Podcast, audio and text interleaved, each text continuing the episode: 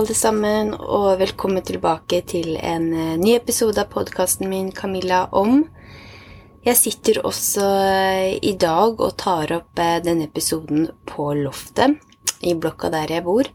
Jeg fant ut at eh, her var det ganske lunt og godt å sitte. I hvert fall nå på sommerstid. Da er det varmt her. På vinteren så er det grisekaldt. Så hvorfor ikke bare fortsette å spille inn episodene her? Eh, I forhold til forrige episode, hvor jeg delte litt eh, private og personlige ting, så har jeg jo Jeg har tenkt litt over det, og er det noe jeg angrer på, eller eh, er jeg på en måte Jeg står innafor det jeg delte, og det vil jeg absolutt si at jeg gjorde. Så klart, når man velger å by på seg selv på den måten, så, så er du med en litt sånn skrekkeblandet fryd. For på en måte så håper jeg at jeg vet ikke om det kan inspirere så mye i forhold til å på en måte ikke vite all verden rundt på en måte bruddet, men i hvert fall for meg, som jeg nevnte da, og som jeg har fortsatt lyst til å bare mm, gjøre videre, det er å være så ekte og autentisk overfor du som velger å lytte til podkasten min, eh, og ikke minst overfor meg selv og mitt liv og de valgene jeg gjør i livet mitt.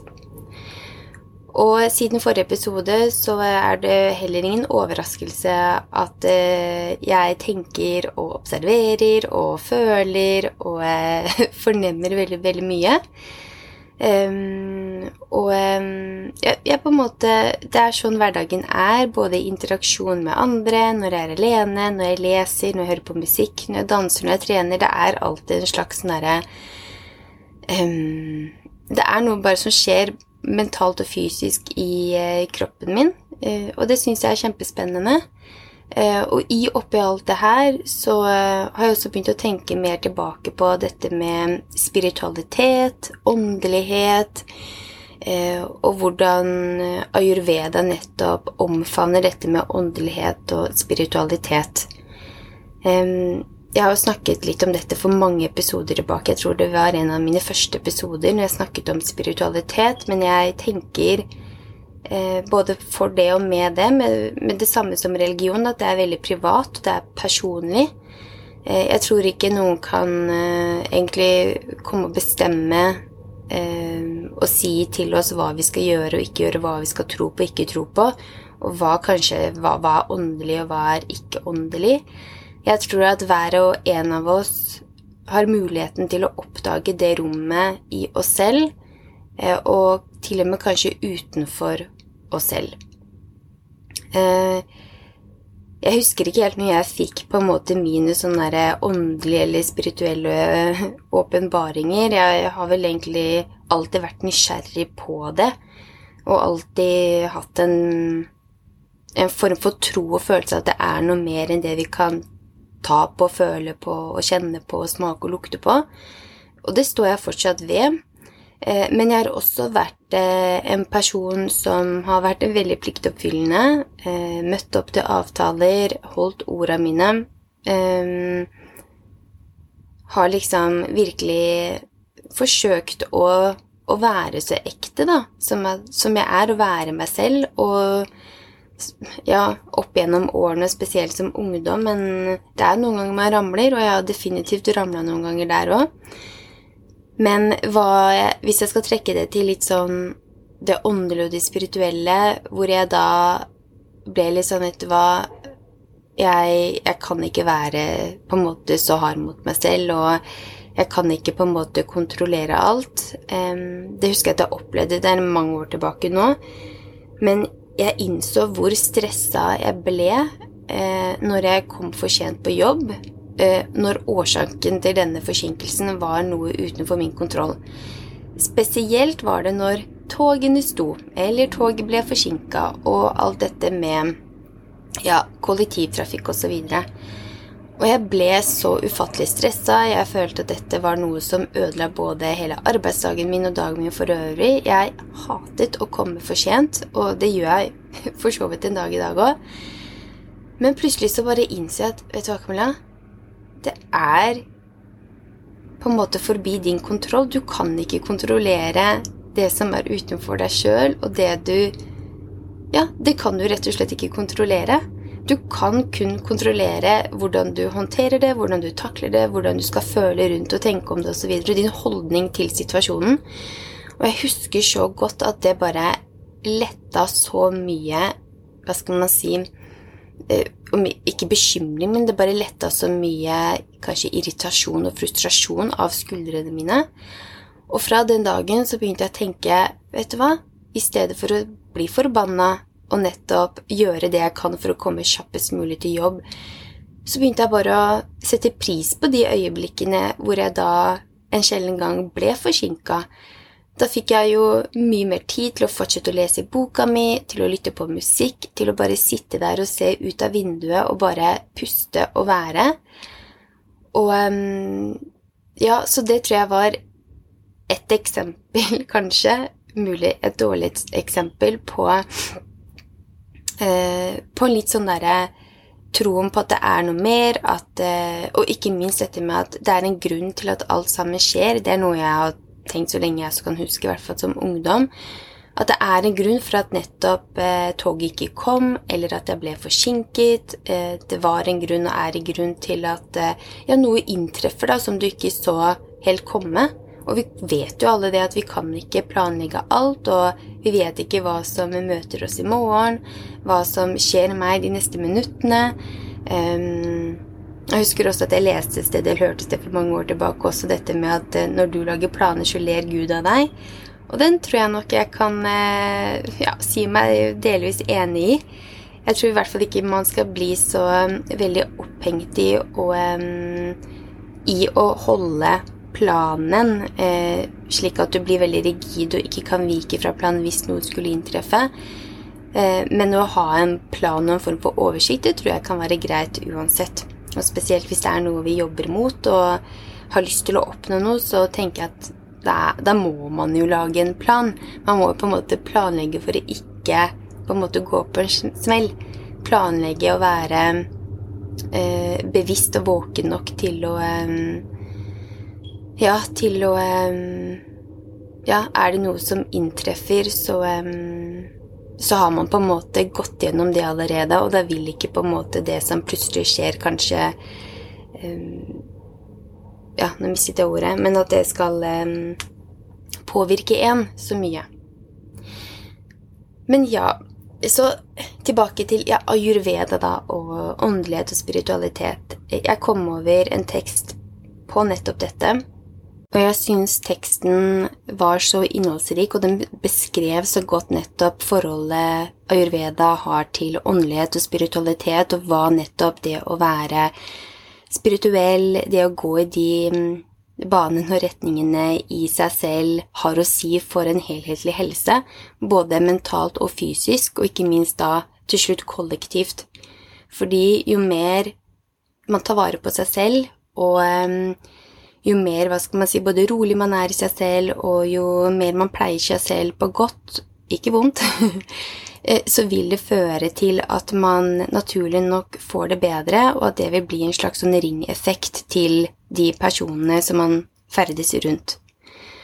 Så derfor har jeg lyst til å lese opp eh, denne teksten, skrevet av en doktor, ayurvedisk eh, veileder og doktor, eh, nettopp for å eh, ja, gi ytterligere kunnskap på hvordan ayurveda blander inn spiritualitet og det åndelige i nettopp ayurvedisk holistisk medisin, eh, og hva det har å si for vår helhetlige velvære.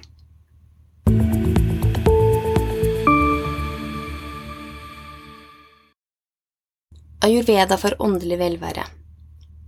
Ayurveda er det tradisjonelle helbredelsessystemet fra India som bokstavelig talt blir oversatt som vitenskapen om livet. Gjennom sunn daglig praksis og innretting med naturlige rytmer kan man forebygge sykdom og skape helse på daglig basis. Og selv om resultatet av ayurvedisk livsstil og medisinsk behandling er en sunn kropp og sinn, er det sanne målet med ayurveda å koble oss til en dypere opplevelse av hvem vi er. Ayurveda er ekte kropp-sinn-ånd-medisin som lar oss forstå, sette pris på og integrere alle aspekter av hvem vi er. Ayurveda er et bevissthetsbasert helbredelsessystem, og det betyr at det grunnleggende prinsippet i ayurveda er at vår sanne natur er en av uendelig potensial fordi bevissthet er grunntilstanden til den vi er.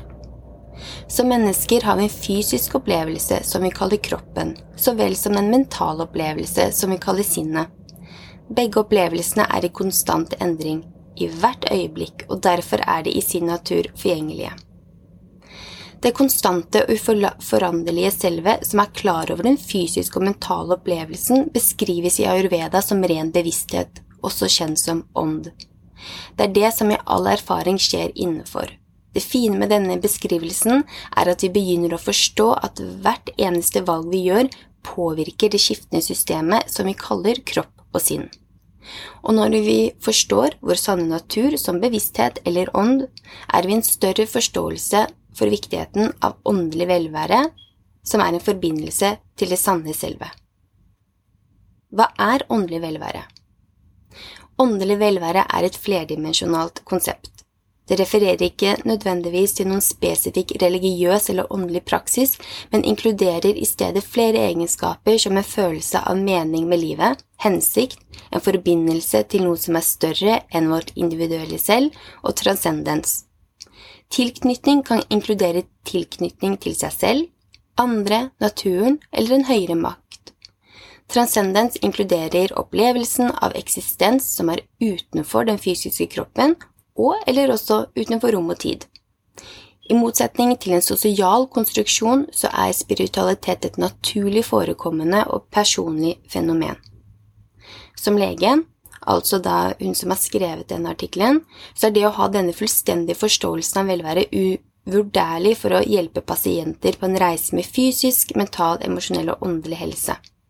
Og viktigheten av åndelig velvære blir stadig mer verdsatt og validert gjennom vitenskapen. Gjennom validerte spørreskjemaer som mål, måler vårt åndelige velvære, har det vist seg at et høyere nivå av åndelig velvære er forbundet med bedre generell helse og nettopp velvære. Flere studier har vist at økt åndelig helse kan resultere i forbedret psykologisk velvære og fysisk helse samt forbedrede mestringsevner. I tillegg, i visse populasjoner kan til og med åndelig helse være viktigere for livskvaliteten enn selve den fysiske helsen. Høyere åndelig velvære kan også redusere angst og depresjoner hos pasienter, særlig da med kreft, og kan føre til forbedret livskvalitet. Derfor må adressering av ens åndelige velvære anerkjennes som en del av et komplett medisinsk system, akkurat slik man gjør det i ayurveda. Hjernen og åndelig opplevelse Selv om feltet er relativt nytt, er det mange interessante studier som ser på hjernen og åndelige opplevelser. Det spesifikke området av hjernen som ser ut til å være assosiert med følelse av tilknytning utenfor en selv, er kjernekomponentet i spiritualitet. Denne opplevelsen involverer området av hjernen som parietal cortex. Den parietale cortexen er involvert i opplevelsen av en følelse av seg selv, som betyr et individuelt selv, derfor under meditasjon eller andre åndelige opplevelser så er det en nedgang i aktiviteten i parietal cortex, og dermed kan man også bidra til at man får en følelse av å være noe større enn en individuell identitet. Et annet område av parietal cortex er den bakre parietale cortexen, som er involvert i spatiotemporale prosesser, altså på opplevelsen av menneskekroppen i tid og rom, og en studie rapporterer om en avstumpet aktivitet i dette området når forsøkspersonene fortalte om en personlig åndelig opplevelse. I tillegg var det nedgang i områder av hjernen assosiert med stressresponsen, noe som støtter de subjektive dataene som viser en nedgang i angst og depresjon med åndelig opplevelse. Forskerne konkluderte med at det er nevrale mekanismer assosiert med åndelige opplevelser, og at fremtidige studier som øker vår forståelse av disse hjerneendringene, kan bidra til å lette integreringen av spiritualitet i behandling og forebygging i områder med psykiske helsetilstander spesielt. Så hvordan dyrke forbedret åndelig velvære? Spiritualitet innebærer ikke nødvendigvis noen spesiell praksis eller tro. Derfor kan hver enkelt av oss velge hvilke praksiser som fungerer for oss. Noen av praksisene som bidrar til en økt åndelig velvære, er blant annet meditasjon, bønn, oppmerksomhet, kontemplasjon, kontakt med naturen, for å nevne noen. For andre kan disse opplevelsene oppstå mens de lytter på musikk, frivillig arbeid eller mens de engasjerer seg i fokusert og meningsfylt arbeid. Akkurat som vi trenger sunne vaner for fysisk og mental velvære, er det like viktig å ha regelmessige praksiser for å dyrke åndelig velvære. Forskning har vist hvor viktig dette er. I en studie fra 2017 ble det vist at innen fem dager etter en fordypning i ayurvedisk livsstilsprogram kunne folk oppleve en følelse av ikke-dobbel bevissthet, altså som er en følelse av transcendens, en enhet med alt, eller identifisere seg med hele universet.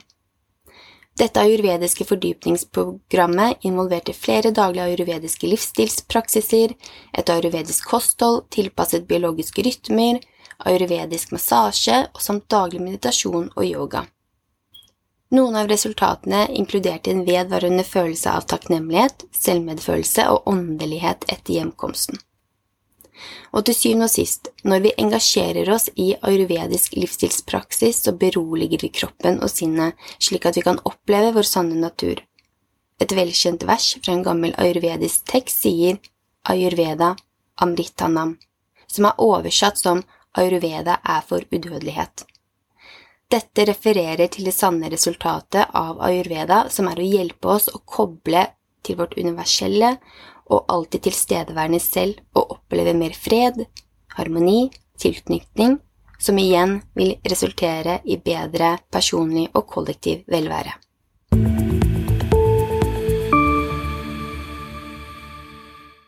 Åh, jeg vet ikke hvilke tanker du og dere sitter igjen med nå, men eh, jeg håper dette ga en eh, veldig god innføring i faktisk hvordan ayurveda implementerer da det åndelige og det spirituelle i ayurveda, hvordan ayurveda ser på det.